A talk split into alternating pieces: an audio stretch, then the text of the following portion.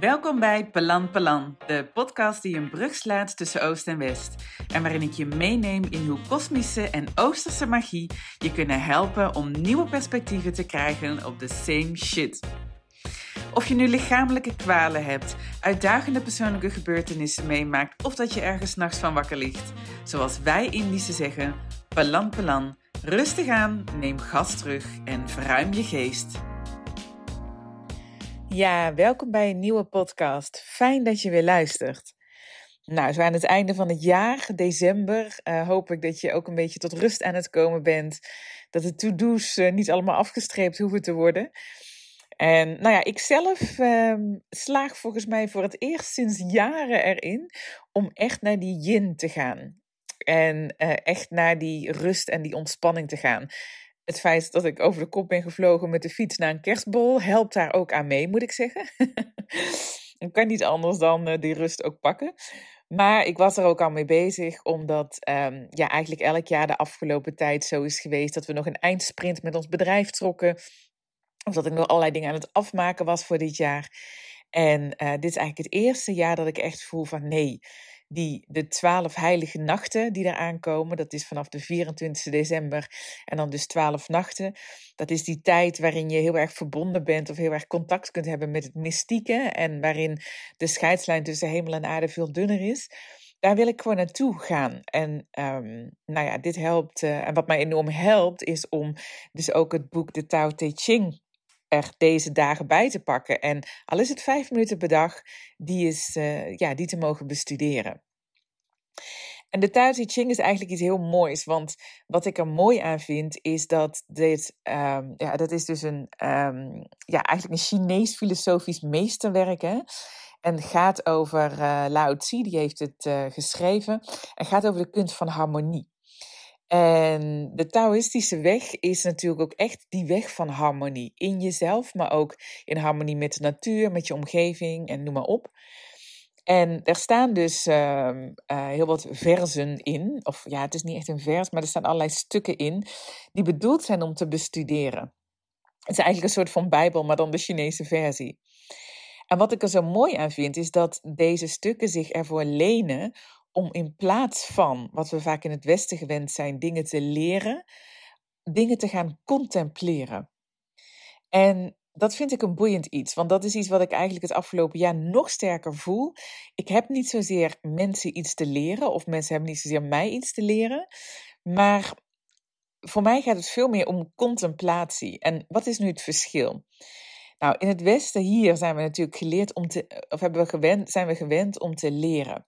Dus je krijgt informatie tot je, je pakt het als het ware vast, je krijgt het ook aangereikt in een vorm. En dan ga je je gedachten over aanhalen, of zeg je dat?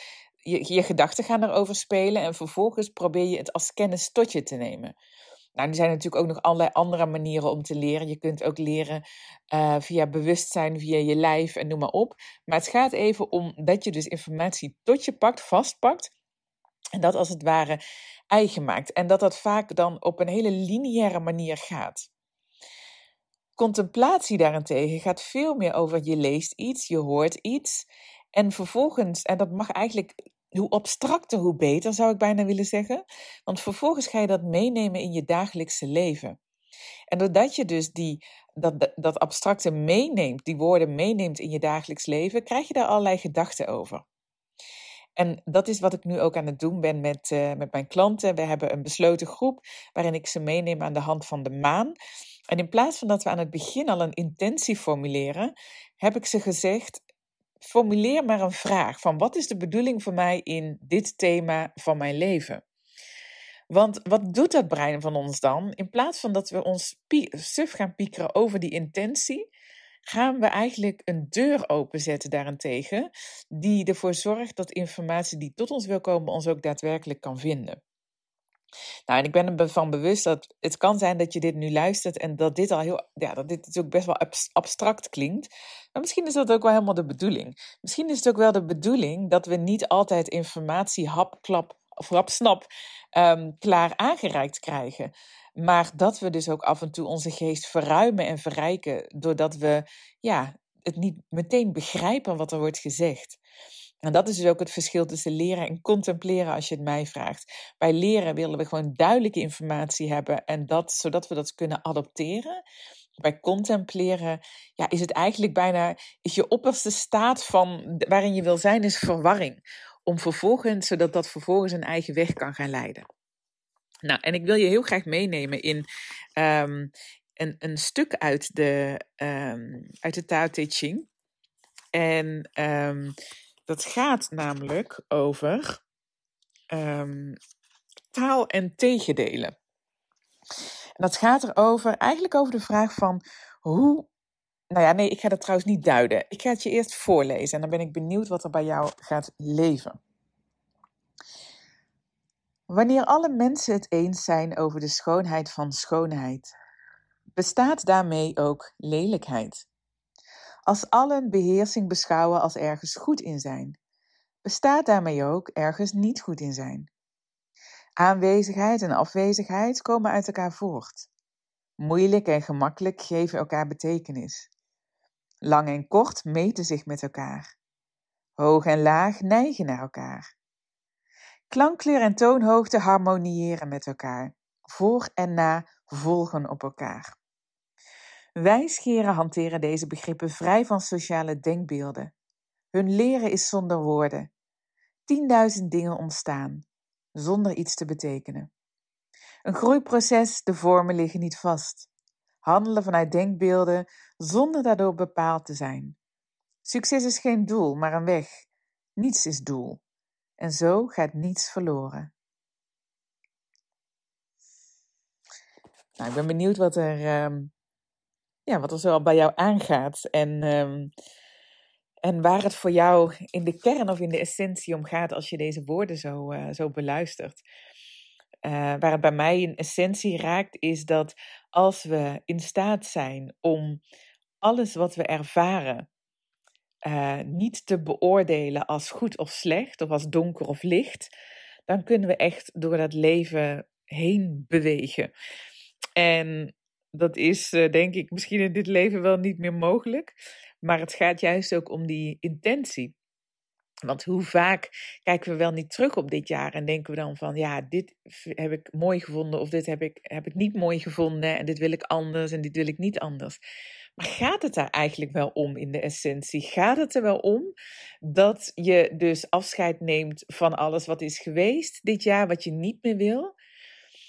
En dat je dus eigenlijk doelen gaat stellen voor volgend jaar, uh, wat je wel wil?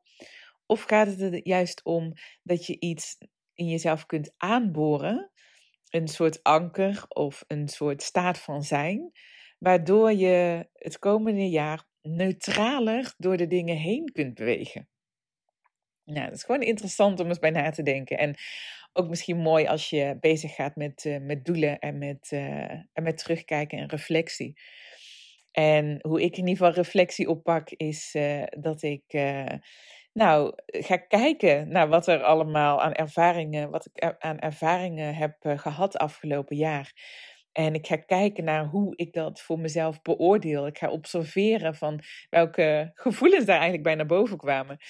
En uh, vervolgens ga ik kijken wat ik nodig heb en wie ik mag zijn om deze gevoelens ook alle ruimte te, te geven, negatief of positief. En hoe ik dat in het komende jaar, wat ik nodig heb om dat het komende jaar ook, ook te kunnen doen. Goed, nou laat me vooral weten wat je van deze podcast vond. Hij is wat meer uh, abstract en wat meer filosofisch, misschien. um, dat is misschien ook waarom er zo'n radiostilte is geweest de afgelopen tijd. Want ik voelde, ik, van, ik mag wat anders met deze podcast. En uh, nou, ik ben benieuwd hoe dit, hoe dit bij je binnenkomt. Dus laat het me weten en tot de volgende.